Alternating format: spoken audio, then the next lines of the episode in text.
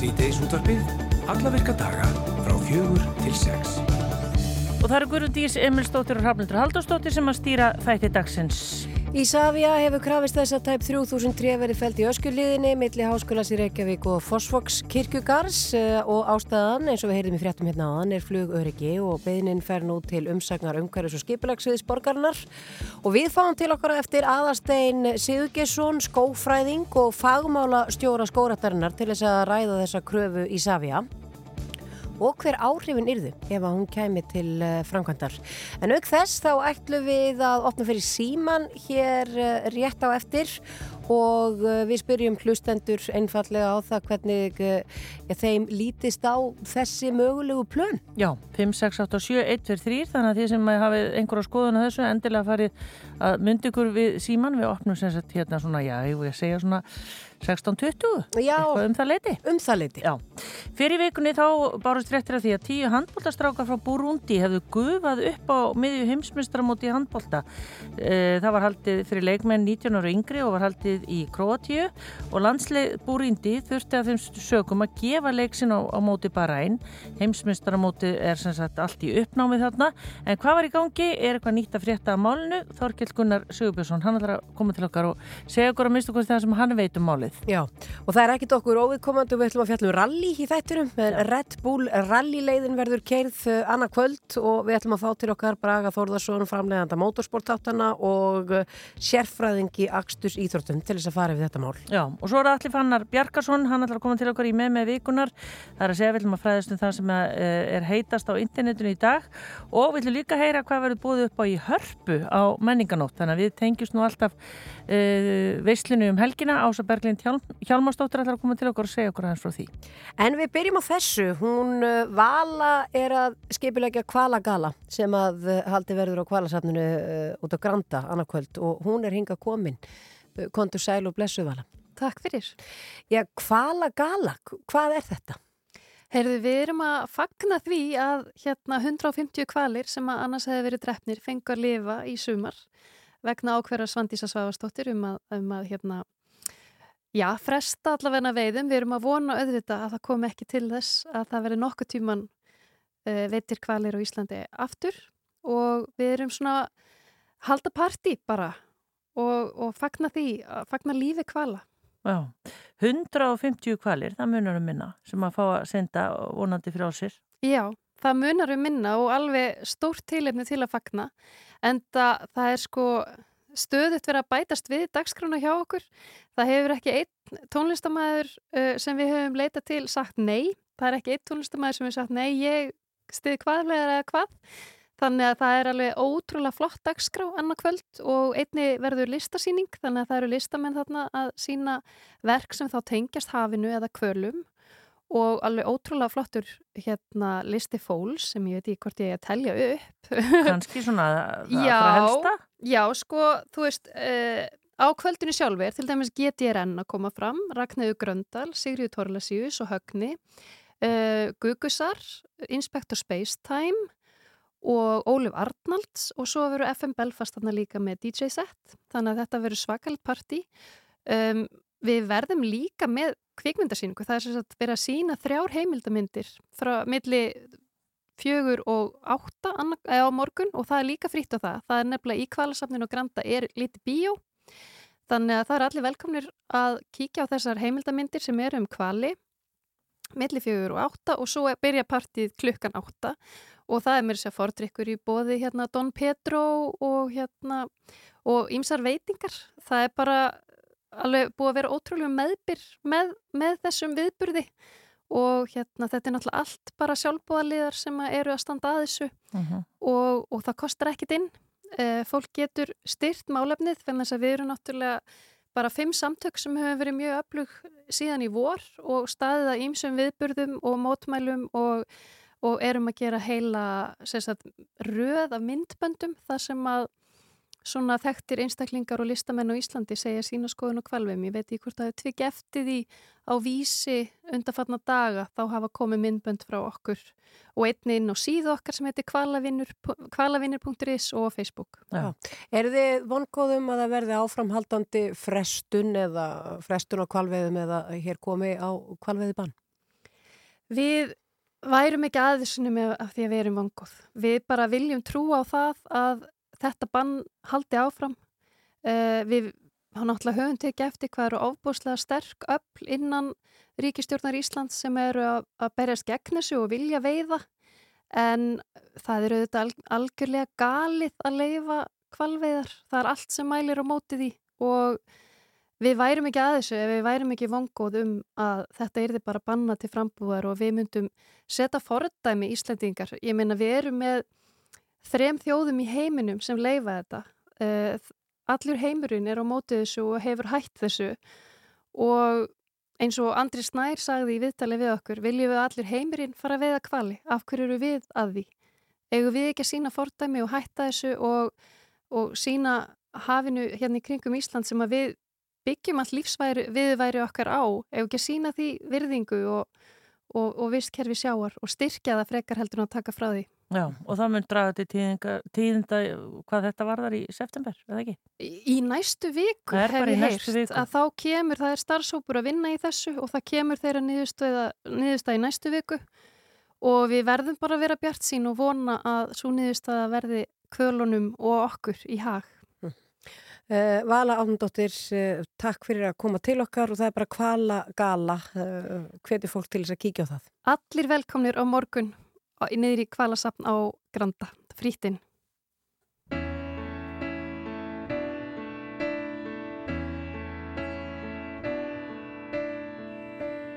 Þegar ég horfa þig mér finnst ég vera til. Allt verður auðveld allt verður einfalt. Getur verið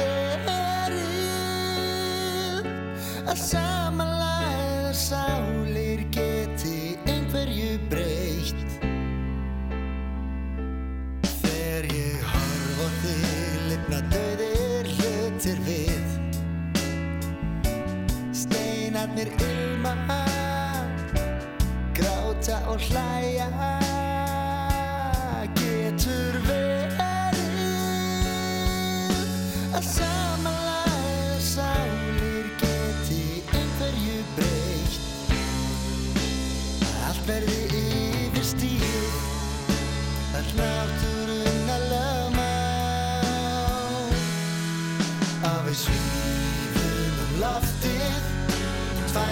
ástfagnar flugvelar yfir út af einu ég elska þig. Það sér okkur enginn þar. Og við svífum um loftið. Tvær ástfangnar flugvelar í 5000 fetum ég kissi þig. Og býð svo til endingar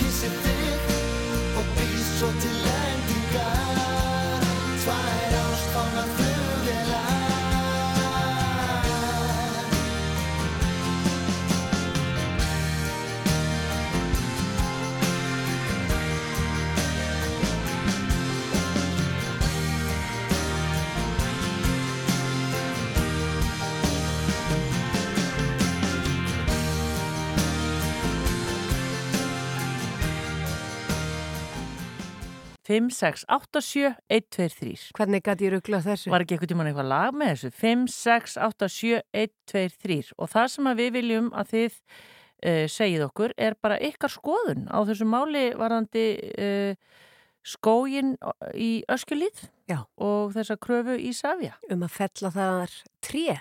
2900 talsins 5, 6, 8, 7, 1, 2, 3 see that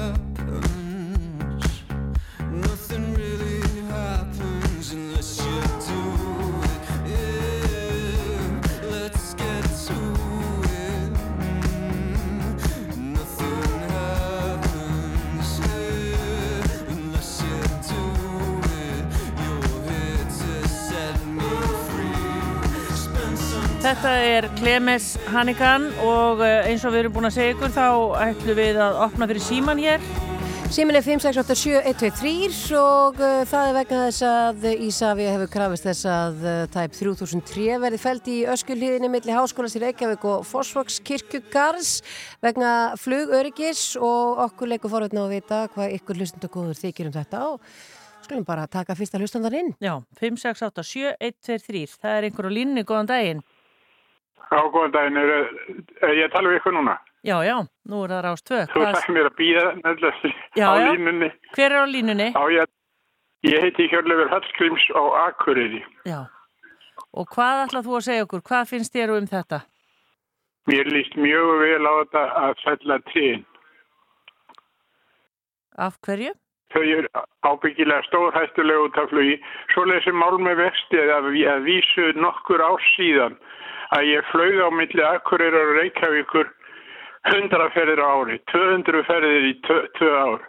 Svoleiðis að ég er hansi vel kunnur þessum, þessum málum. En þetta eru nokkur ár síðan við kenni ég, en þetta hafa verið tegum vaksið síðan líka. Mér blöskraði oft í aðfluginu þarna, Já, einmitt. hvernig þetta væri. Fannst, fannst þér bara að vera ógnað í, í fluginu? Gjörsamlega. Eins og ég segi 200 ferðir á tveimur árum flög ég á mill út af minni. Vegna atvinnum minni. Já, þannig að Og þú, þau hafa ábyggilega vaksið mikið þessi tré síðan sko. já, þannig að þú ert á því að þetta ógni flugöryggi og vilt þess vegna að... Gjörsamlega, það er bara ekki spurning sko. Það er ekki spurning. Já. Herru, takk, takk Ég endur tek eh, þetta, ég eh, hérna, flög á milli 200 ferðir vegna atvinnum minnar, flög 200 ferðir á milli í tvö ár. Já, einmitt það. Takk að þið kérlega fyrir þetta. Svoleiðis. Já, takk fyrir þína skoðun, Hjörlegu. Takk fyrir Ok, að ringja. ok, ok. Bless, bless. Já, takk fyrir það. Já, takk, bless. Við hérna erum að eh, opna síman hér í sítiðis útafn og rást 2 vegna þess að það kom tilkynning hérna, eh, hvað um þrjúleiti í dag? Já, um að það að Ísafið var að krefast þess að tæp 3000 tré verið fælt í öskuliðinni og þetta að vera að tala um á milli háskólan sem Reykjavík og Fossvarskirkju Gars og eins og við heyrum í fréttum á þá uh, saði Einar Þorsteinsson uh, að það væri svona búið að vera ágætið samkomi lag, það er búið að fell einhver 10 tré á ári, eitthvað svo leiðis en nú á að, taka, eða er beðni um að það verði enn meiri slurkur. Já, það er síminn er opin hjá okkur 5, 6, 8, 7, 1, 2, 3 kannski fólk stötu tími og fólk kannski búið að mynda sér skoðun á þessu. Nei, nei. en maður ímyndar sér sko, maður náttúrulega hefur ekki hugmynd um hvað eru mörg tríðarna Nei, yfir höfuð uh, en við getum allavega sagt okkur það að 2900 það er allavega ekki eitt eða tvö tré Nei, það er tölvert meira Já. og allavega þyrsti að taka 1400 eða svo. En við ætlum að fjalla um þetta meira í þættirum á eftir því við ætlum að fá til okkar aðastein Sigur Gesson, uh, skófræðing og, og fagmálastjóru skórættarinnar til þess að ræða þessi mál við okkur. Já, en hér er einhverju Já. línni Já, góðan daginn, þú er ástvö Já, góðan dag, góðan dag. Hvað segir þú okkur? Heiti ég. Já, Gísli. Ég segja nú bara allt ágætt. En sko, ég ætla að segja ykkur það að þessi maður sem var að tala um okkur áðan, sem að flega það millir svona ofta, þetta er alveg hárreitt í manninum að þessi tré náttúrulega, þau hljóta, það, það, það er náttúrulega ekki verið byggja undan bara út út af ganni, bara ganni sínu. Og því það er oft þannig sko að þarna er verið að tala um öryggi og ég held að ég er ekki gaman ef að myndi nú fara flugvel út af ykkurum trjám þarna og kannski ekki að fólki með Mm en svo oft geður nú bara í umferðinni sem að viðgerðin hefur oft haft að, að það er oft þar kannski eitt eða tvö bænaslis að það settur, settur upp ljós á gatnamót þannig að ég er alveg fylgjandi því að taka tréin Já, heldur þú að þetta Já. muni setja umræðu um flugvöllin í allt annað samhengi eða? ég veit það nú ekki sko en mér finnst nú ég á það heim út á landi en ég, ég get ekki séð þessi flugvöldu sér fyrir nokkuð meinasta manni þarna sko Nei, en heldur hann, að hann getur ekki fyrir ekki að Ha. halda, áfram, fyrir ekki að Nei, ég, sko, nei, ég held að var að tala um að færa hann að fluguvöld. Ég vona, vona nú að það verði ekki með hann að ég hangi upp en, en þetta er bara náttúrulega, þetta er bara að vera að tala um þetta öryggi, sko, að þú veist það sjálf, sko, ef myndur að fara svona fluguvöld í kannski lélugu aðskegni, eða svona skegni, hvað myndum við, hvað myndum við hugsa þá? Mm Já, já. Út af því að vera svo mikið mótmæl út af því að taka tríða. Mm Það tríða er nú bara hlutir eins og við veitum bara, við veitum tríða náttúrulega lifandi en það er að það komið sem trjámanstæði fyrir annar stað, sko. Já, þakka að kella fyrir ég, Já, Já, það er ekkert. takk fyrir að koma þína skoðun Gunnar, það eru konið tveir takk. hérna utan á landi sem að ringja hérna í okkur og, og hérna, það er landsbyðin greinlega hefur hérna sterkar skoðun á þessu Já, hver, og hefur áhugjur af flugörygginu. já, við skulum sjá hver er hér Góðan daginn, halló, Rástvö Já, já, góðan daginn. Hver er það sem Eh, talar? Varðandi, já, Ástís heiti ég Sæl. og bý hérna í hlýðunum í Reykjavík og, og hérna nota þetta útvistarsvæði mjög mikið og þetta er bara alveg einstætt svæði og mér líst bara alveg herfilega á þessu hugmynd. Mm. Þú myndir, uh, já, alls ekki vilja sjá þessi tréfæld. Nei. Nei. Þetta eh. útvistarsvæði er bara mjög dýrmætt og, og einstætt. Já, en hverju svarar þá þeim sem að vilja meina þetta ógni flugöryggi? Já, það náttúrulega þarf bara að færa þennan flugvöld, það er eitthvað annað.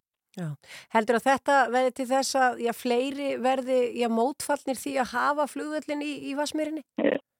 Já, ég býst fastlega við því. Herru, þakka þér, Fyrir nóg, þakka já, þér fyrir þetta. allt í lagi. Já, Já, bless. bless. Já, við, það er spurningum að hafa síman opin í 2-3 myndur viðbót, 5, 6, 8, 7, 1, 2, 3, það er semst þessi uh, tilkynning sem barst uh, borginni í dag frá Ísafja, eða bara krafa Já, um já. það að það hérna, þurfa að fella hérna 2903 og uh, já, það hérna, það er búið að, segja, varpa þessu yfir í borgarráð, Já, það sem á að ræða þetta. ef hún fer til umsagnar í umhverfis og skiplagsviði borgarinnar Já. og, fer þar bara sína leið, sína hefbundu leið og svo verður einhverja niðurstöðu að vænta í, í, í þessu, þessu máli. En uh, eigum við að hafa þetta eitthvað mikið lengra hrafndur eða eigum við ekki bara að fjalla um þetta á eftir þegar við tölum við hann aðastein? Jú, einn í viðbót sem er á línunni. Góðan daginn, Rástvö, Já, góðan daginn, Júlíana heiti ég. sæl. Ég er hlitti að fjarlæði þessi tré. Þetta er spurning um öryggi, um aðflug á Reykjavíkuvöld. Mm Ert þú búsett í Já. Reykjavík eða út á landi? Nei, ég er utan að landi og nýtti mér flugið þegar ég þurfti á því að halda í tíma og tíma. Já. Völlurinn á að vera í Reykjavík fyrir okkur öll á Íslandi. Já. Takk fyrir þína skoðun. Já, gott fyrir- takk, já, bæ. bless. Já, og það er einn í viðbót. Ég var að segja þessi sé síðastur. Góðan daginn, Rás 2.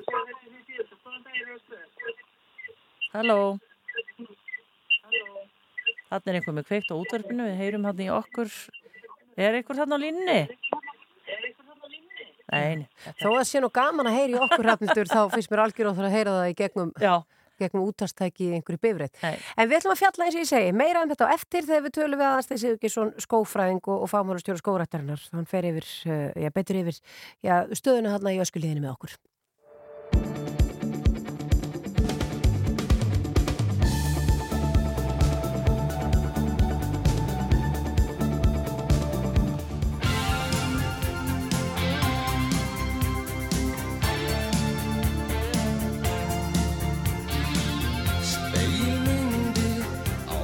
Votum albyggi Öskur drúsins í nóttinni Grátur eldsins inn í sólinni Egurðin kemur frá sálinni. Sólin svíður svarta moldina Líf sprettur af svitanum. Títáismi knýttum bakum Eitt lítið, Segnast blóm. Sáðum maðurinn Ykkir jarðina Láturinn kemur frá akrinum. Móður mjölkina Stígur sakleysið Frelsið fæðist í hjartanum. Endur fætur í öðninni Stígur glamp í augunum Títaist mig nýttum bögum Eitt er lítið, eitt er lítið Sernest blóm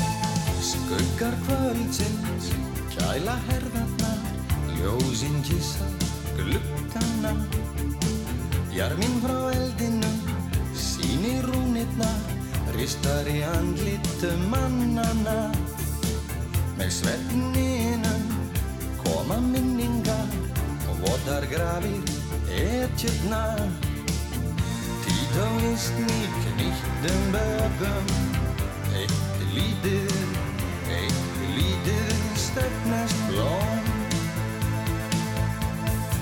Speilmyndir á ótum albyggi Öskur drúsins í nóttinni Grátur eldsins inn í sólinni kemur frá sálinni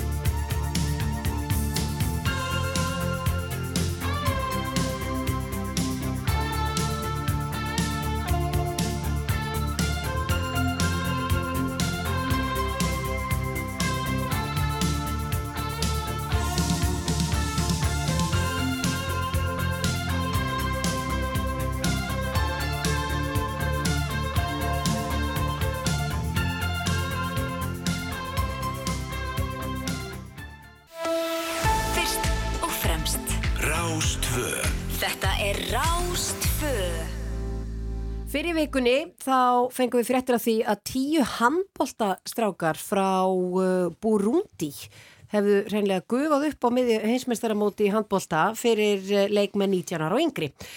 Og landslið Burundi þurfti að þau sögum að gefa leiksin á móti Bahrein uh, en heimsmeistaramóti var haldið í Kroatíu. En hvað var hann í gangi og er eitthvað nýtt að frétta í þessu máli? Við höfum ákveðið að fá enga til okkar mann sem veit allt um sportið og mögulega eitthvað um þetta. Hann heiti Þorkell Gunnar Sigurbjörnsson, kontur sæl og blessaður. Já, komið sæl. Já, þetta eru alltaf skrýtna fréttir. Það, þetta eru það, já, en sko, nú, nú náttúrulega veit ég ekki nákvæmlega hvað gerðist og það veit, veit að það kannski sjálfsagt fáur en, en, en ég get allavega getið í eðunar og ég allavega giska á það að, að þeim hafa allavega ekki verið rænt. Það hefur þurft að vera mjög vel skipulagt og, og ég held að það sé nánast útlokað á þess að ég held að fullir að það, að, að það hafi gæst. Ég held miklu frekar og eiginlega það blasir við að þeir hafi bara stungið af í, í leita betra lífi. Þeir voru að spila þess að þetta mót, hefnsmestnar mót 19 ára yngri er er eina Schengen svæðisins og, og, og þar getur nú bara farið yfir þá landamæri á þess að endilega þurfa að flagga vegabrifinu og, og það sem að Búrundi er frönsku mælandi þjóð að þá svona liggja hvað ég að segja, mesta líkur á því að þeir hafi farið til Fraklands í, í leita betra lífi þar sem við getum tala frönskuna sína að því að Búrundi er eitt af svona fátakari ríkjum heims allavega er efnahagur þar í, í algjöru rústi akkurat núna. Já, en það komu sem sagt fréttir að það fyrst svo einhvern veginn heyrðist ekkit meir, er það bara mennunum alltaf búin að gefast upp á að leita? Ég, ég hugsa nú ekki en, en, en ég held að þetta verði eins og leita náli heistaka því að eins og ég segi fyrst að Króati er inn að að að koma strax yfir einhver landamæri og eru bara farnir, ég held þessi lungu farnir frá Króati Ah. þá held ég að geti orðið mjög erfitt að finna þá þó svo að þessi handbólta þetta handbóltasambandi í Búrundi sé að vinna þetta eitthvað með, með yfirvöldum í, í, í Króatíu og, og svo sé í, í samskiptum við, við foreldra þessara leikmanna því þetta er bara 17-18 ára strákar Já, þeir eru bara stráklingar, en hvernig handbóltamenn eru þetta? Veistu eitthvað um það? Hefur eitthvað fylst með þessu lífi? Nei, og ég held að þeir getur nú bara lítið sem ekkert í handbólta svo ég segi það nú bara svona blákallt því að það eru, það er náttúrulega á svona heimsmeistaramótum er kvóti frá allum heimsálfum Afrika er svona kannski lagst skrifaðasta heimsálfan svona allavega ef við horfum allavega gagvart Evrópu þá er Afrika klálega lagra skrifuð þar og, og, og Burundi hefur nú ekki verið beint stórþjóði í handbólta þannig að mér finnst nú líklegt að þessi strákar hafi litið á það sem sem svona bara einhverja útleið að koma sér í þetta lið, koma sér í þetta mót og verið jafnvel bara búin að skipulegja eitthvað flotta í leita betra lifi og jafnvel átt sér einhverja vittorsmenn svo ég haldi bara áfram að fabulera því að ég náttúrulega veit ekkert hvað þessum ágættu drengjum gekk til og, og, og vona bara að þessi ég finni þá betra líf, lendi ekki í einhverju mannsali eða, eða á einhverjum, einhverjum, einhverjum vondu fólki. Nei, en hérna, svo geta þær væntalega ekki spilað þá handbólta því að segjum að eru þið rosa góðir, þá myndu allir taka eftir þið og vita hverju þetta er. Já, en, en þetta var þeir voru búin að tapa öllu leikju sínum á mótinu, voru komnir í, í, í, í þennan svo kallega forsetabikar sem eru sett liðin sem komast ekki áfram í milliriðla og, og, og, og svo leiðis á þessum mótum og voru búin að tapa þar líka leikjónu sínum þannig að ég held að hugur uh, fæstra þeirra hafi staðið til þess að vera einhverju atvinnumenn í handbólta þó að það sé auðvitað ekki útloka. Já, er þetta mikil skömm fyrir handbóltasambandið í Búrundi? Já, er það ekki? Ég, ég veit það ekki, ég svona, get ekki alveg sett mig inn í, inn í kultúrun í, í, í Búrundi en, en þetta er náttúrulega e, þetta er náttúrulega ekki góðar fréttir að, að bara stór hluti að vinna handbóltaliði gufu upp á heimsmeistarmóti sama hvaðan það lið er þetta er náttúrulega bara í raunin algjörlúti hött en, en segir kannski náttúrulega meira bara um um stöðuna í, í Afríku, allavega í mörgum ríki þar, sérstaklega með þarna í, í löndum eins og í Búrundi og, og, og ríkjónu þar í kring sem við höfum kannski bara, erum bara með lokuð augun fyrir svona dagstæglega þar sem við höfum það svo kósið hérna á norður hérann. Já. já, við vonum allavega að elsku kallarnir, já, þessu heilir og höldnu og, og þeir, eins og segir, finni þá bara betra líf. Þorkell Gunnar Sigurbjörnsson, Íþjórnafrættumöður, takk fyrir að koma til okkar í síti í Ísutbyggð.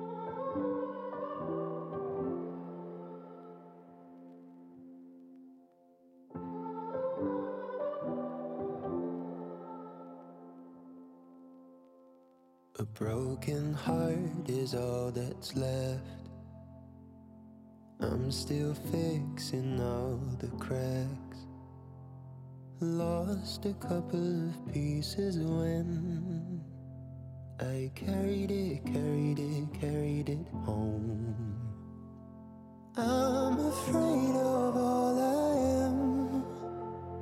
My mind feels like a foreign land. Silence ringing inside my head. Please carry me, carry me, carry me home. I've spent all of the love I saved. We were always a losing game. Small town boy in a big arcade. I got addicted to a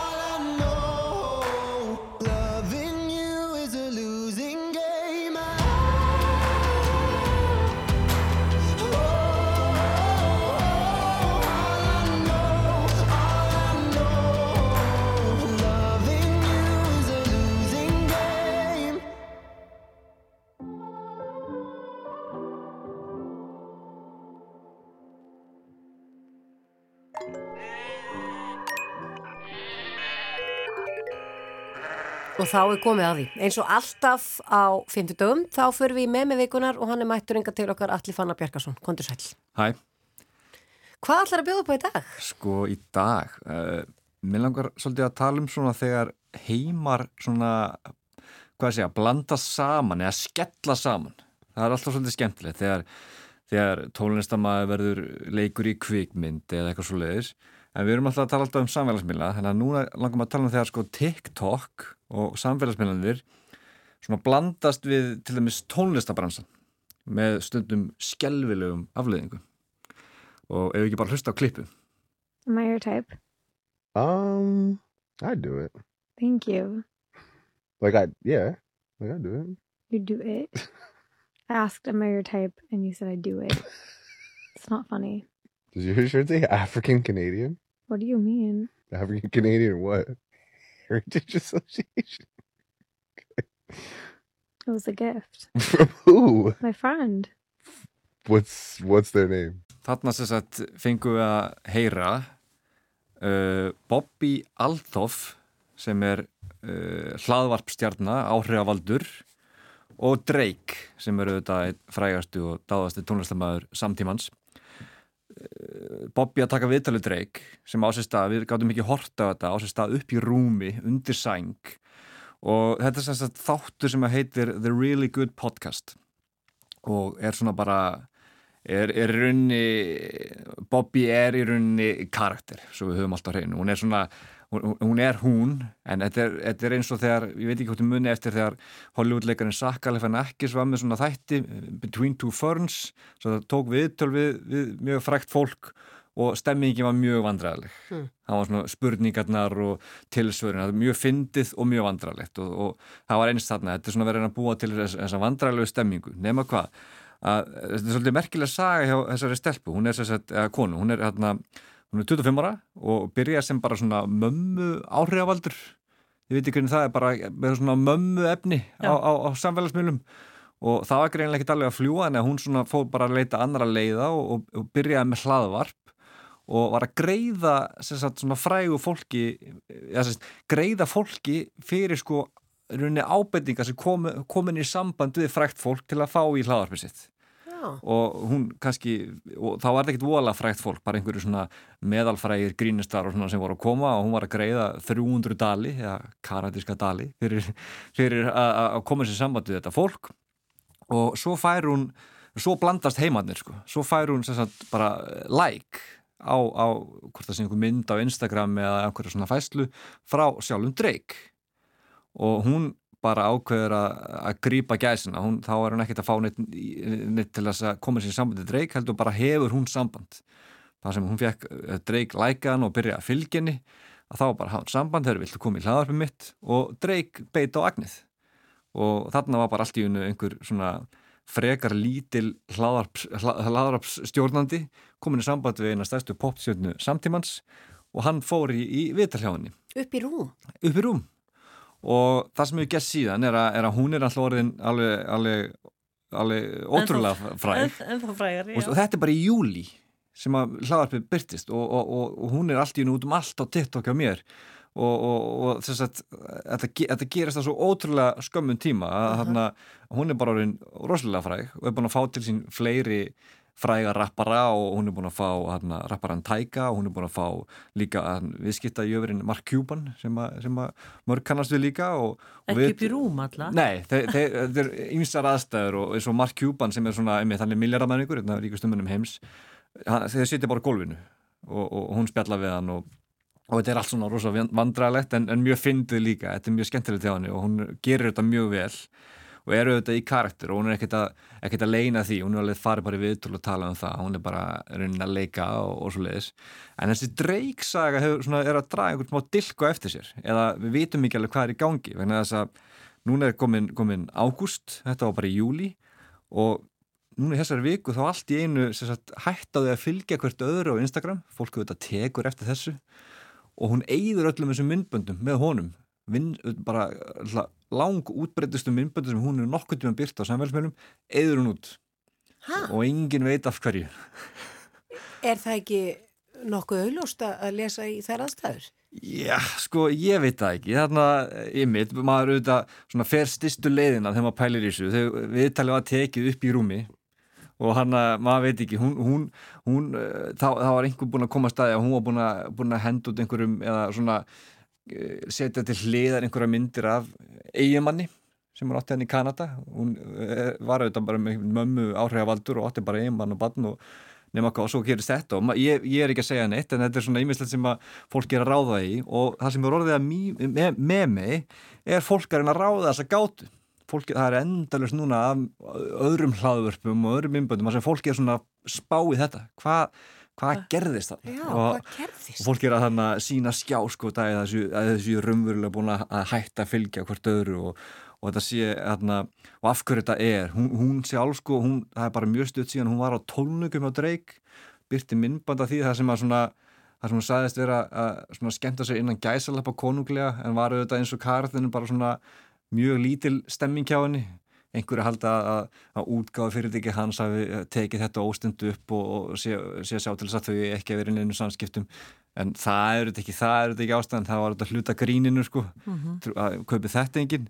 En auðvitað eru flestir að, að- að reyna að, að, að svona gefa sér það, hann er eitthvað eitthvað sem tengis eitthvað svona romantík eitthvað sem gerði sem maður veit það ekki. Sko, af því þú leður okkur að hausta, uh, sko, að heyra brot og þá er Já. hægt að sjá myndbandið. Og kannski er ennþá betra fyrir fólk að rýna þá í hvað er að gerast þarna. Já, fólk getur auðvitað um, fara á TikTok og leita Bobby Althoff og, og Drake. Og það maður getur alveg fundið þó hún sem búin að taka nýjum myndbund þá getur maður alveg fundið og það eru fólk aðri búin að byrta þau og, og auðvitað ótrúlega margir einmitt sem eru að að velta þessu fyrir sér er að byrta myndbundin og segja hvað hva gerist þarna og eru heilu hlaðvörpin bara lögð undir ykkur umræður um þetta Já. eins og þetta skipti einhverju máli. Og, hana, og við erum að tala um þetta hérna á Íslandi um einhverja kanadíska hlaðarstjörnu og kanadískan tónlistamann Já. og þetta er auðvitað mjög merkild en svo svona fyrir maður að grafa aðeins dýbra og þá er hún að bóða einhverja tilkynningu á mánudaginn eitthvað, eitthvað sem eitthvað rosalega stórt sem var að gerast. Þannig að þá veist fólk strax farið að velta fyrir sér er þetta, er þetta einhvers konar svona markaðsstönd Já. er, er, er að gera þetta til að fa fanga einhver aðtegli þau hægt að fylgja hvort öðru og hún tekur þetta niður, allir fara að velta þessu fyrir sér allir fara að tala um þetta, þetta magnast eitthvað upp svo kemur einhver tilkynning.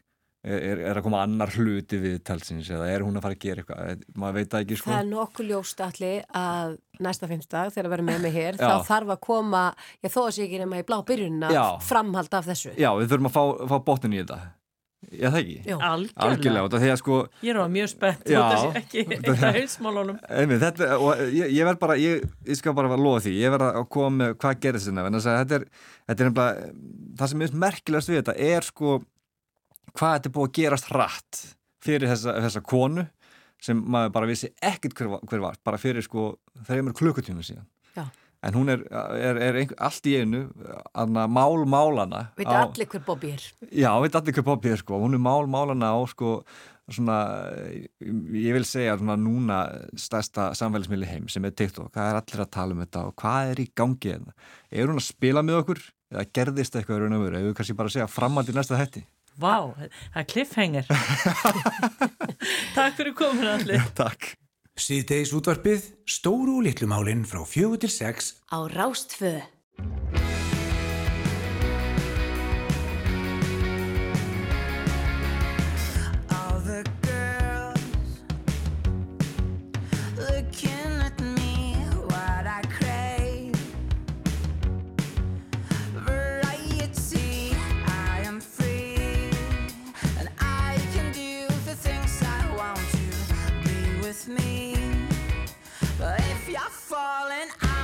calling. When you start to call me by name, it's bye bye, honey. When you ring at least twice a day, it's bye bye, honey. When you start to get close to me, it's bye bye, honey. When you wake in the morning, I'll pretend to fall asleep real quick.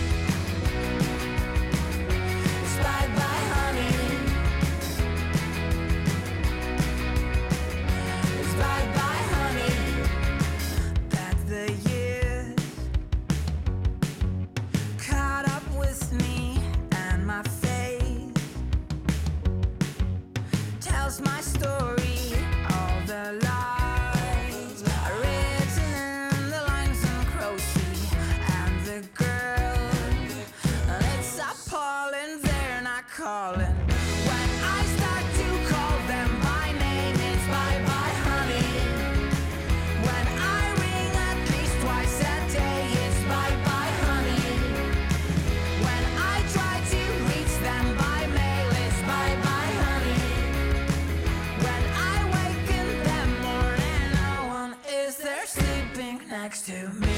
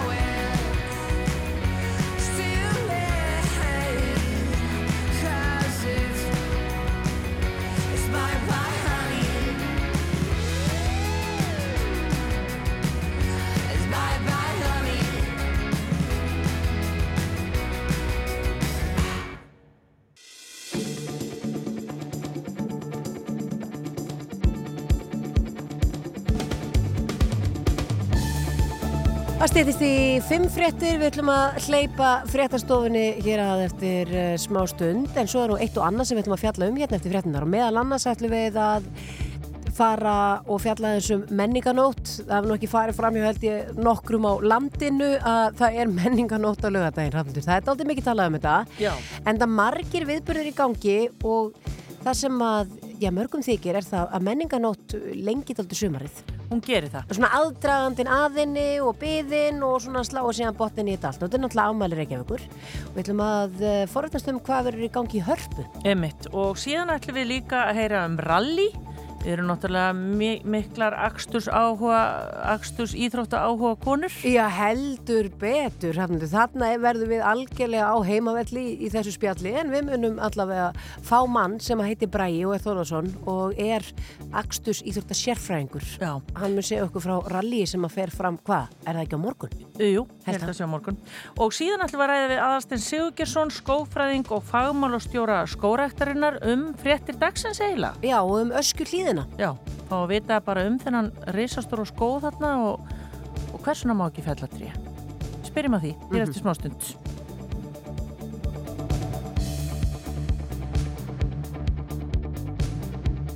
This is the beginning.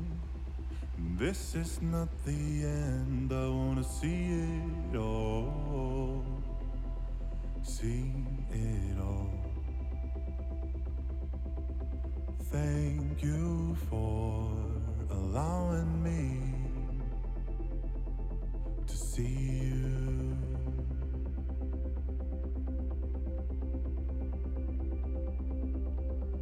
And thank you for being here, lending me a time. But first of all, thank you for being.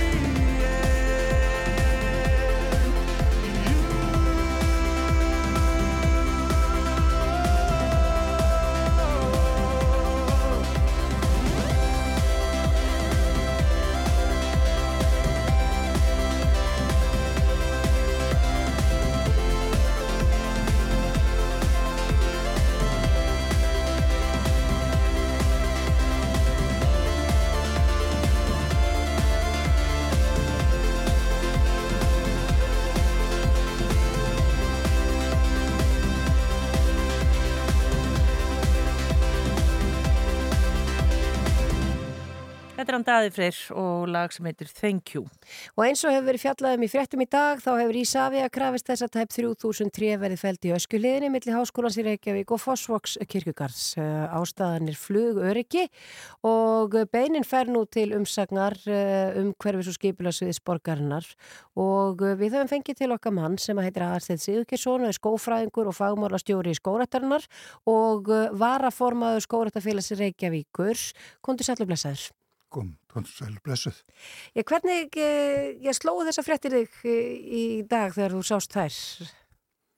Já, í fyrsta lagi, ef ég má tala fyrst sem fagmálastjóri skórættarinnar, þá einhvern veginn fyllist ég of, oflátungshætti yfir því að tré á Íslandi sé, skuli vera orðin svo stór og þessi fann að ógna flugumferð. Einu sinni heldum en að tré geti ekki vaksi á Íslandi. Einu sinni var fyrsta skórekt við Reykjavík var við Rauðavatn og það var svona fjallafura sem var aldrei há og menn töldu það að sönnu þess að tré geti aldrei orðið meiri mannaðar á. En þarna erum við að tala um tré sem er orðin, já, hátt í 20 metra há og munu halda áfram að vaksa og kannski verða með 10 tíma 40 eða 60 metra á eða hvað, hvað veit maður og þá náttúrulega gefur auga leið að þegar búið er að þrengja flugvallastæði svona að því afmarkaði bara eina línu þarna sem að einmitt á að fljúu við skógin þá hlýtur það að þrengja flugumferð eða við getum snúið við og satt að flugullun sem fann að þrengja að Reykjavík þrengja veinu fjölsóttasta útvistasvæði reykinga sem að er mikið notaður af íbúum í hlýðakverfi og annar staðar hann í kring. Já, þannig að þið í rauninni sko eh, sem að er það stúsa í þessum skógu, þessum trjám á Íslandi alla daga, þetta er, voru enga nýjar frétti fyrir ykkur, þið eru svona svolítið búin að vera að býða eftir þessu. Já, þetta er búið að vera svo sem í deglunni alveg frá því um 2013 þegar að gert var samkómulega milli ríkisins og Ríkjavík borgar um að loka norðustur söðvestu brautinni og eiginlega beina allir flugum fyrir þarna eftir þessari rás sem einmitt fer yfir öskjulíðina. Og í framhald af því þá sendi félagið þar sem ég er í stjórn skortfélag Reykjavíkur mótmæli við þessu á sín tíma. E, það var farið svo leið að fella hæstu tríen þá í kjölfar samkum, kjölfar þess að samkúmulagi var emt 2016 eftir hæstarið það dóm mm. og lokuði að flugbröðin og þá var ákveðið að fella trén mm. og ég les það núna að Reykjavík Borg telli og hún sé búin efna samlingin og þetta sé alveg nýtt að það er bara að riðja þarna niður já eins og kemur fram í frettum þriðungi af skójun mjög skulíð og þrýðungum af eldri, af öllum skóin með öskulíð og helmingnum af eldri hluta skóarins í öskulíð. Já, eins og við heyrðum áðan líka þá eh, var talað við Einar Þorstinsson, farmann Borgarási í eh, fjögufréttunum og hann talaði um að ég samstarf þarna hefði verið gott og, og það hefði verið fælt einhver tíu, trí á ári. Ég, það er, ég, þetta er svolítið, það er stjartfræðilega langt þarna á milli með tíu, trí á ári og svo að fara kannski í það að fella hundruðir og, og, og þúsundir trjá. Já, ég eh, hef nú ekki haft tækifæri til að setja mig alveg inn í þessa skýslu í Savia, þannig að ég get ekki sagt alveg hver, hvað liggur það til grundvallar.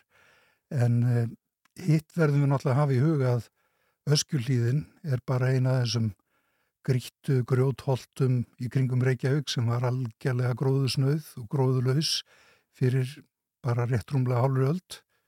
Það er frækt að það var eins og reynd að halda þjóðháttið við rætur öskjulíðar 1874 sett upp tjöld og átt að vera útiháttið það var það afbóða vegna moldróks frá öskjulíðinni og þegar að farið var að stað þarna með fyrstu rektununa upp á 1950 í samvinnu þess sem þá hétt Hittaveitir Reykjavíkur og Skoratfélags Reykjavíkur þá höfðum við afskaplega lilla trú á þessu að tríja gætu þrýfist á þessu gróti skjóluðsu grjóti fram fyrir opnu úttafi en það hefur brana komið í ljós og þarna hefur uh, verið unnið öll starf áratúin saman við að rækta hann að skó og nú á setni árum að gera hann svona þannig að garðið hans í aðgengilur almenningi með stígum og öðru.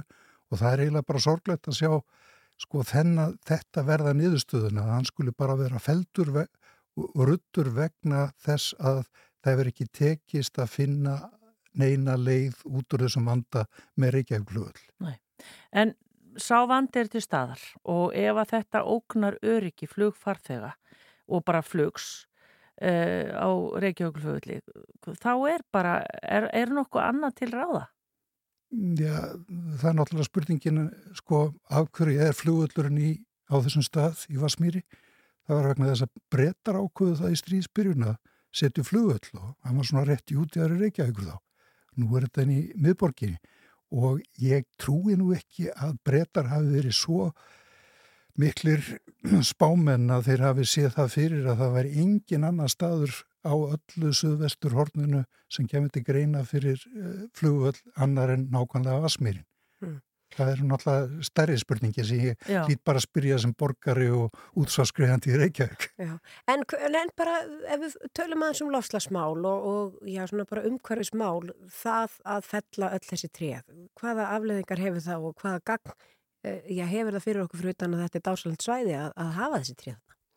Já, þessi treð eru náttúrulega að veita miklu, mikið skjól þarna allt í kringum sig og það er náttúrulega komið fram í í hérna skýslu sem að Haraldur Ólafsson veðurfræðingur byrti fyrir svona áratug síðan að, að vindur í Reykjavík og þá við, einmitt við öskjulíð við viðustofana, hann hefur rapað frá því að trjágróðu fór að vaksa á höfuborgarsvæðinu og er eiginlega orðin, það er eiginlega engin vindur, svona meðal vindstyrkur. Og til samanburða þá þegar að þessar mælingar hófust og keflæguflugöldi á sama tíma þá var alveg sami vindunni þar og í Reykjavík. Sem sagt Reykjavík var sama rókraskat og keflæguflugöldi í dag. Keflæguflugöldur hefur haldið áfram að vera rókraskat en Reykjavík ekki. Þannig að þetta er að hafa umtalsverða áhrif á skjólgjöf fyrir reykinga alla. Fyrir nú utan það að þetta er útvista skóur eins og að því hún nefndi loslasmálinn, þetta er náttúrulega margir hektar af uh, skói sem er að binda mikið kólöfn á hverju ári. Ég hafa nú ekki tökuð að flett upp hvað öskjulíðaskóur er að binda per hektar á ári en ég myndi svona að reikna með það sem stöðum millir 10 og 15 tonn af koldjóksið á hektar á ári sem að sá skóu bindur. Já. Ef að, að þessu, ef að þetta kemur til framkvæmdar eða uh, þetta mál náttúrulega eftir að velkjast um núna eitthvað í kerfinu, já, hvað telur þú? Heldur að þetta verði ekki bara til þess að vera flugvallarins í Vassmýrinni verði enn umtildari? Já, ég held að margir fyrir hljóta að spyrja sig uh, hvort það var ríkja, víkja uh, flugvöldurinn eða Reykjavík. Já, þú tekur svo stórt til orða. Já, það má spyrja sig því að línan þarna, þessi fluglína yfir öskjulíð, þetta, þetta leysir ekki málið að fella bara ykkur 2903 eða þrýðungin af skóin með öskjulíð. Beinu framaldi er fósuskirkjugarinn, hann er skói í vaksinu, það eru átrið sem hann er haldið áfram að vaksa. Það er nefnt í skísl í hérna frétt frá Reykjavíkborg að það er spurningum um hljómskólagarðin líka, hvort að það sé ekki tré líka sem eru farin að ógna flugumferð. Mm. Þannig að það eru þá líka tré í engagörðum sem eru að ógna flugumferð. Eru jáfnvel húsbyggingar að ógna flugöllinum eða örygginni. Er þetta ekki svona komið að því að menn fóri að spyrja sig svona grundvallar spurninga um þessa, þessa stæð, flugvallar stæðið, hvort að þetta réttlæti allt þetta. Já, Hva, hver er samsetning trjáa í, í hérna, öskjulíðinni? Hvaða tré er Þetta- þarna? Þetta er, eh, getum við sagt, eh, frá árabilinu svona 58 til 70 þá á þeim tíma þá var mest verið að gróður sittja eh, eina grini tegund, sittgagrini, þarna er stafafura, þarna er bergfura, þarna er tölvört að byrki, þarna er tölvört að reyni við sem hefur verið að sá sér inn og urmull af öðrum minni áttategundum svona, getum við sagt. En greinitrín þá Greinitrín hæst. eru þessi hæst hávuxn Já. sem um er að ræða. Já, það verður forvitnilegt að fylgjast með uh, því hvernig þetta fer, þessi beðni sem að fennu til umsangar umhverjus og skipulagsins borgarinnar. Uh, Aðastætt séu ekki sonskjók, fræðingur og fagmannastjóri skóraðarinnar og varaformaður skóraðarfélags Reykjavíkur. Takk kærlega fyrir að koma til okkar og, fara yfir þessi mál með okkur. Takk ykkur sem leiðis.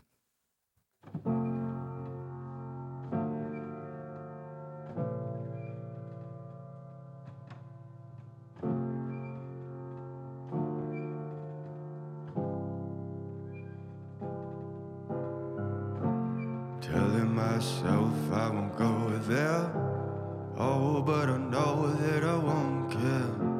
Trying to wash away all the blood I've spilled. This loss is a burden that we both share. Two sinners can atone from a lone prayer. Souls tied, intertwined by pride and guilt.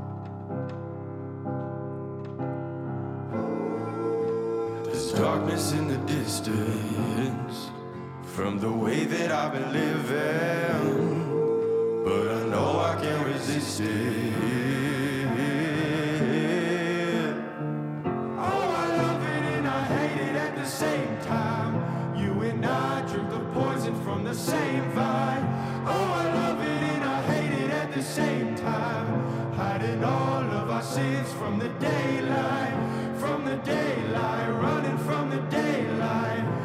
The daylight,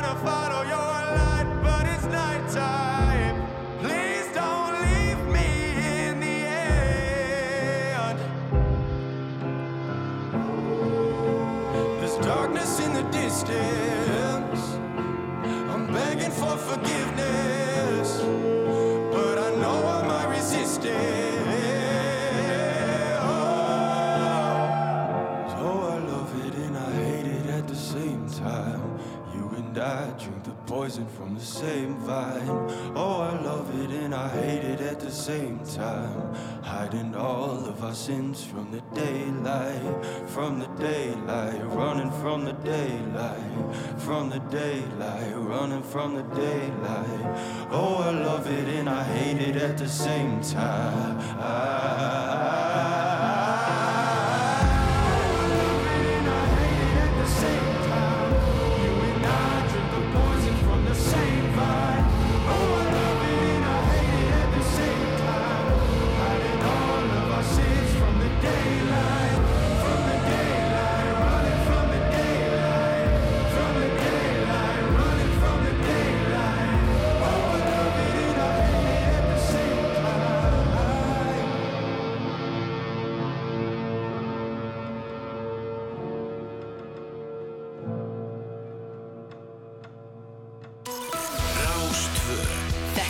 Rástvö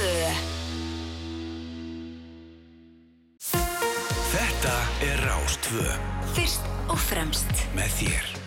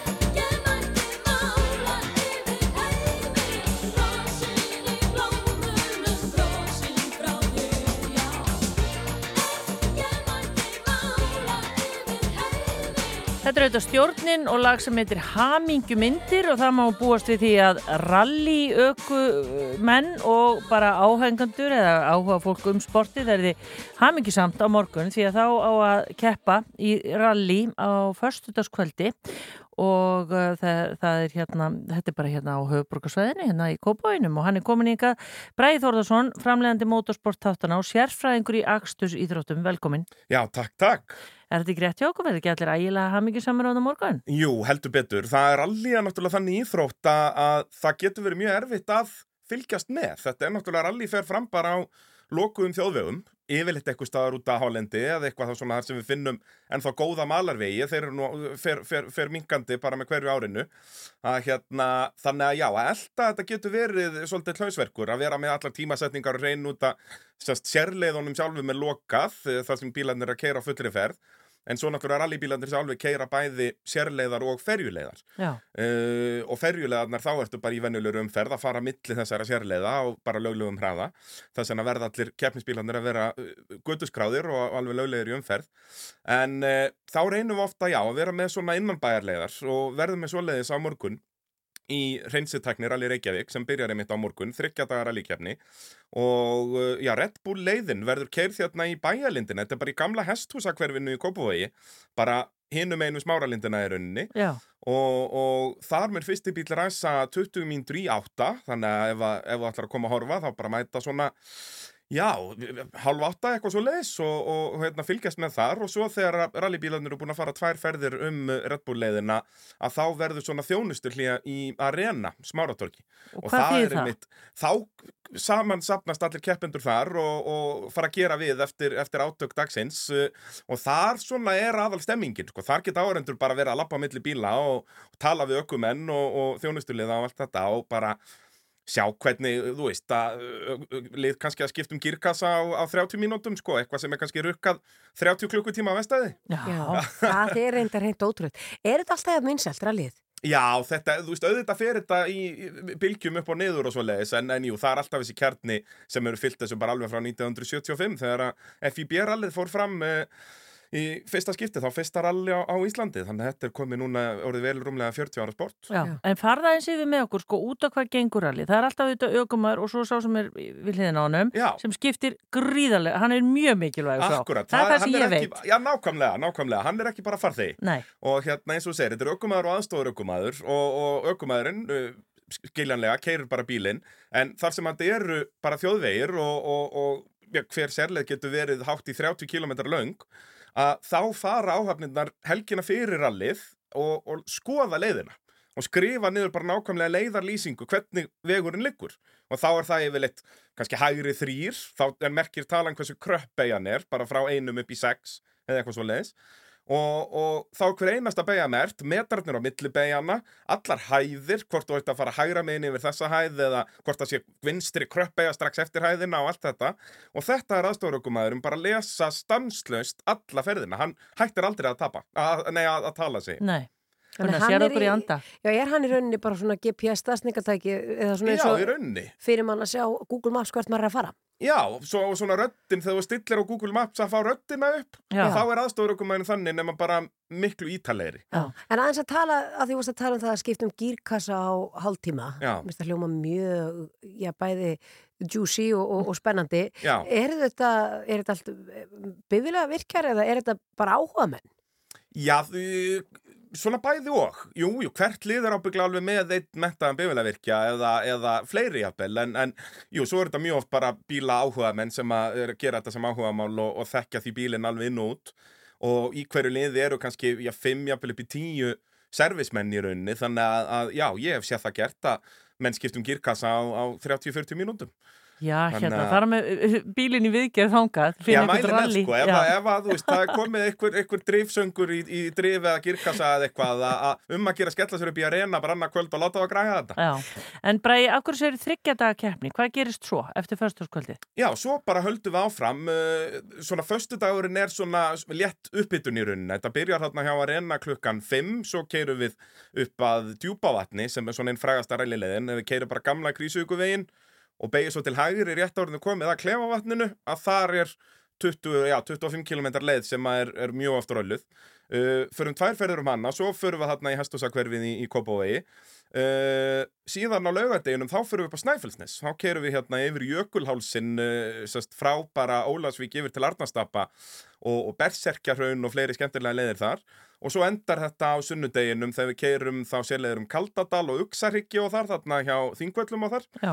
og endum svo aftur á djúpavatninu hérna eh, rétt fyrir utan Hafnarfjörð og, og svo verður samansöfnun í Arena Kópavogi eftir það, svona miðjan daga á sunnudag. Og, og þetta eru þá samtals einhverja 15-16 sérleiðir, allar mislangar, bara frá þar séru örstuttu áhröndaleið þarna Red Bull leiðin í, í Kópavoginum sem er bara tæpur kilometra lengt yfir í eins og Kaldadalinn sem er rúmir 30 kilometra lengt. Já. Svo bara akstustímin á öllum þessum sérleiðum settur saman hjá öllum, uh, já hvað, þetta eru 20 áhafnir sem munu keppa og já, sá sem stistan tíman vinnur. Hann vinnur og er til mikils að vinna?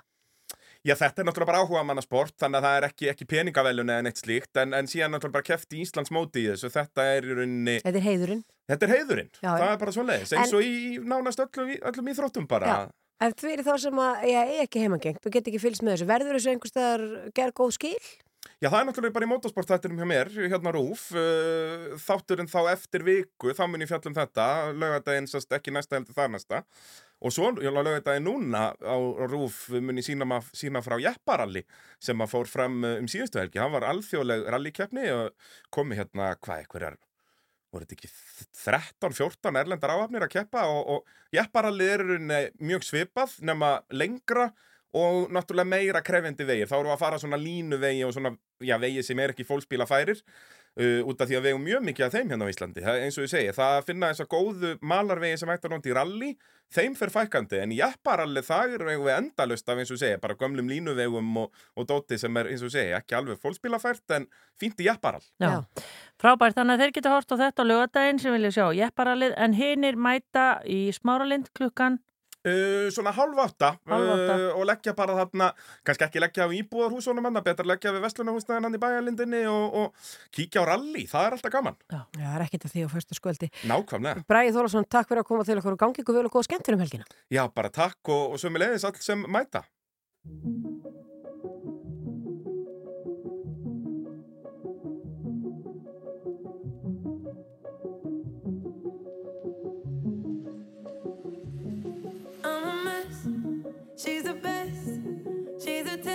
Out of 10. While I am who I am, got a closet full of skeletons. But I'm honest about the evidence. I say yes, you say next. You can't stand what I did, now I can't get away with it. Like she can. Oh, damn. What you don't understand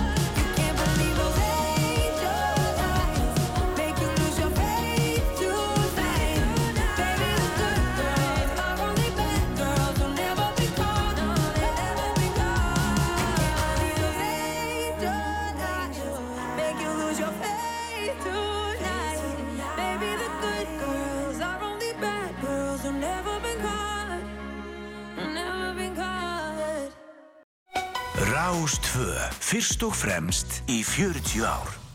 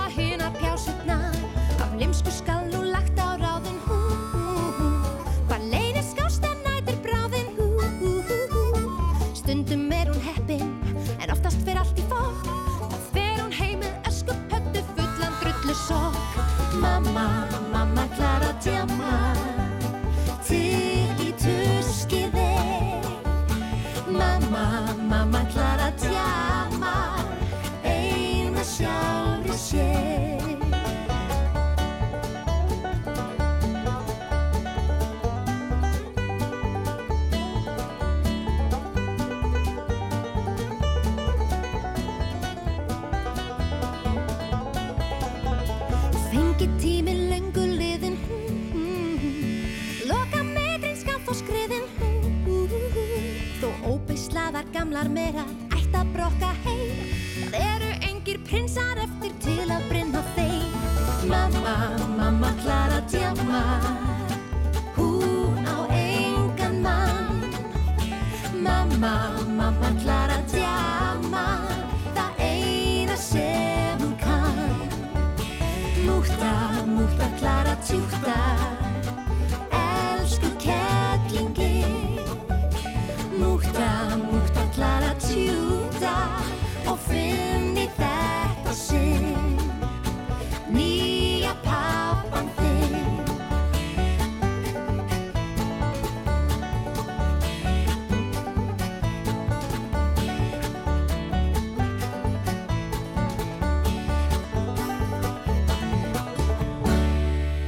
voru þetta Jóhanna Guðrún og Bakkalótur og mamma þarf að djamma en uh, við þreytust ekki að segja það að það segja frá því að það er menninganótt uh, um helgina og maður sér hlaupara hérna út um allar trissur að undirbúa sig fyrir þennan stóra viðbörð ekki okkur marathónið þetta hérna, um morgunin. Já, það finnst mörgum vera hápuntur menninganætur að fara og fylgjast með hlaupurum komið mark. Já.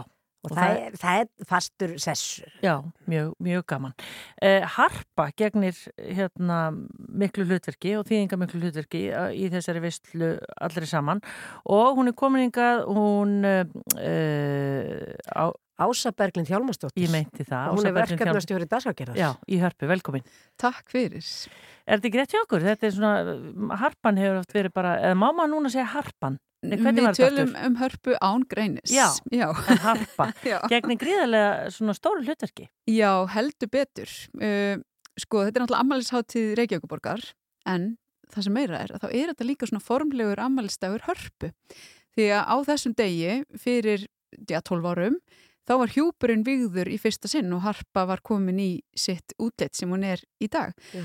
Þannig að við fögnum þessum degi, fögnum því að harpa sér til þetta stórkostlega tónli, tónlistarhús sem við eigum hérna Já. með því að bjóða þjóðinni heim og bjóðin upp á glæsila dagskrá í öllum krókum og kimum og salarkinnum húsins frá klukkan eitt og alveg til hálf sjö Já. og við byrjum bara krafti klukkan eitt með að segja sko. Í fyrra þá var Jón Jónsson, hann var að síga þarna niður að þakki hörpu og var að spila á gítar í leðinni. Já, ákveði áhættu að Ég var bara svona, heyri, það, þau eru byluð, en já, þannig að það er alltaf, það eru flugöldasýningar hann. Já, já, já, já, það verður flugveldar í hverju hotnum að segja, sko. Það verður mikið um að vera fyrir allan aldur, en alveg svona sérstaklega fyrir fjölskyldufólk. Þó auðvitað allir finna eitthvað við sitt hæfi. Mm. En það verður mikið fjölskyldudaskrá og margar raun svona upphafið af fjölskyldudasgráni sem verður í vetur í hörpu og hérna verður mjög þjætt og ókeipis eins og alltaf.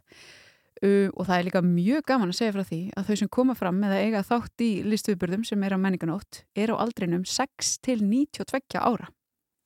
Ég er bara, þegar ég uppgötaði þetta, þetta er bara svona, ég fatt þetta í dag, Já. og þá bara hugsa ég, nei, vá, hvað þetta er skemmtilegt. Við erum bara með þjóðina alla á sviði hjá okkur, Já. Já. allar kynnslóðir í þessari Þversnið, þjóð. Þversniðið. Megum við spyrja sko hvað, þessi elsti hópur, hva, Mhm. hvað, hvað mun hann Það skal ég nú segja þér. Já. Þetta er Vita Torgsbandið.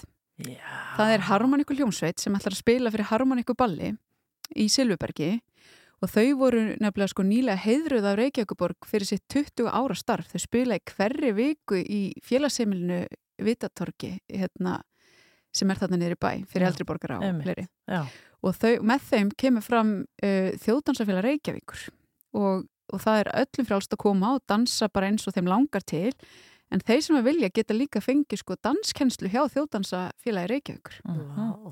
og nefnilega í Silfubergi það verður smá dansstemning og fyrsta dansiballið verður með stórsveit Reykjavíkur og sveiplustöðinni og það er sama snið þar. Allir geta- Sveiflustöðin, við töluðum við hann mannstu sem Mhm. hérna kom hingað. Já, einmitt, Já, dansararnir, já. Þeir, e- þetta er svo skemmtilegu dans. Og það er svo auðvelt að smittast af gleðinni í kringum þennan flotta danshóp.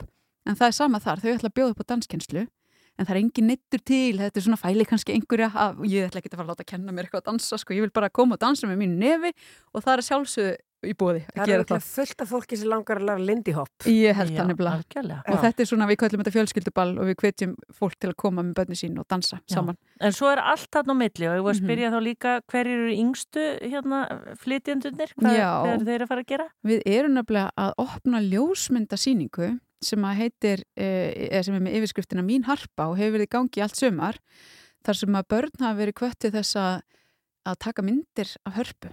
Þess að við viljum sjá hvernig börnin sjá hörpu. Og þar er sko yngsti meðlumurinn sem að senda inn mynd sex ára. Og þetta eru glæsilega myndir sem eru nú þegar komnar upp og þarna gefst líka menningarnættu gestum kostur á að velja sína uppáhalds. Þannig að það verða alveg svona sér vellaun fyrir þá mynd sem að flestir menningarnættu gestir uh, völdu. Já, en skemmtilegt. Já, og það verður fleira þarna úr smiði batna eins og uh, geimveruglaðningur. Það var nefnilega verkefni, uh, rosa flott og stort og viðamikið verkefni í gangi í vetur með þykjó og mörgum skólum út um allt land. Það sem að krakkar fengu að velja á plötu þar sem þau myndu vilja sko segja geimverum ef þau myndu hitta þau. Einmitt fjöllin líka um þetta í síðdeis útdarpinu. Það fer ekkert fram hjá okkur. Þetta þið eru með puttan á Já. púlsinum. Þannig að þetta verður sínt aftur. En hérna, þannig að það er bara frá eitt, auðvitað harpa er alltaf opið, það er alltaf hægt að koma að inn, en svona Já. veislan byrjar svona um eitt litið. Já, bara alveg klukkan eitt með miklum krafti og ég sko segi fyrir mitt leiti að stundum finnst mér sko það er svo mikið í bóða menninganótt að ég svona fyrir alveg í kleinu bara hver, hvernig á ég að gera þetta með börnum mín en fólk getur bara komið í hörpu og varið deginum þar bara, og stanslust verið að upplifa eitthvað nýtt og ég má til með að segja líka frá lokapunktinum sem er sko samsöngur af öllum hæðum hörpu. Alltaf Guðrún Árni að leiða alla saman í samsöng og láta hörpu hljóma. Klukkan hvað verður það? Það hefst svona kortir í fimm. Já, það verður algjör negla, það þarf ekki að spyrja því. Skemmtilegt. Ása Berglind Hjálmarsdóttir, verkefnustjóri dagskrárgerðar í Hörpu. Góða skemmtun á lögadaginn og, og svo verður bara spennandi að sjá hvað, hérna, hvað dagskrá vetræðins býð, eða hvað verður búið upp á þar. Já, takk fyrir og sömulegis.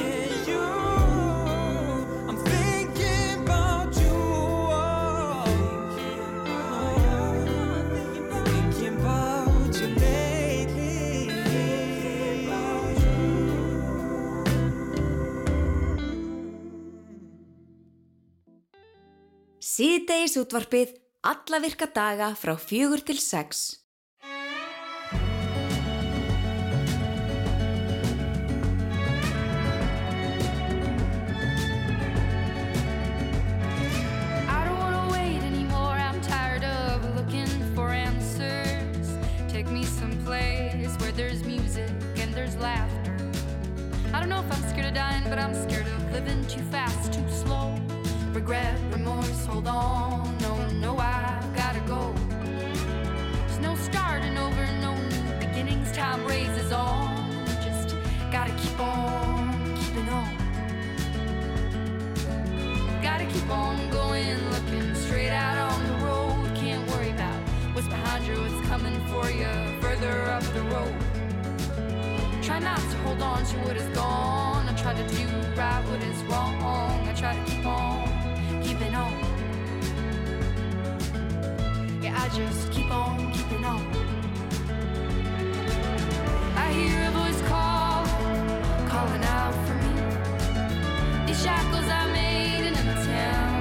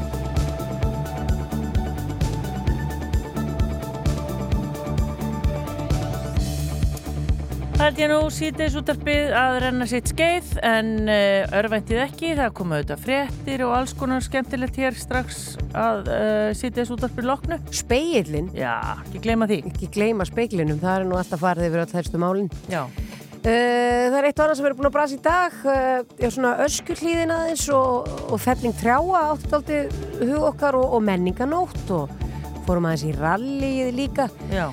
En núna er eflis flestir þarna úti ég bara á heimleið og fara að huga kvöldmatnum. Já, 50 dagur í dag, hvað ætla sér svona algengasti maturinn á 50 dagum? Þetta sé, þetta sé svolítið snarldagur. Þetta sé bjúu? Nei, Nei, ekki bjúu ég held að það sé liðin tíð. Já. Gæti trú að þetta sé snarldagur svolítið þegar svo leggja menn kannski meira í föstudags og lögadags og sundagsmatinn Já. Ég veit ekki, er þetta, er spælt egg eða? Já, það er möguleiki. Fiskur?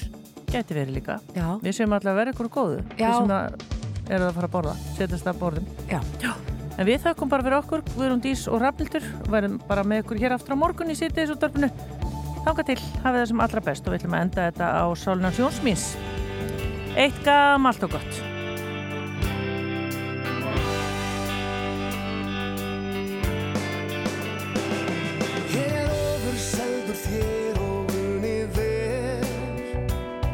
Það er annað finnst mér allt hugar þér Sem ég horfi á þig sofa finn ég að Það er brotið nú í lífi mínu blað.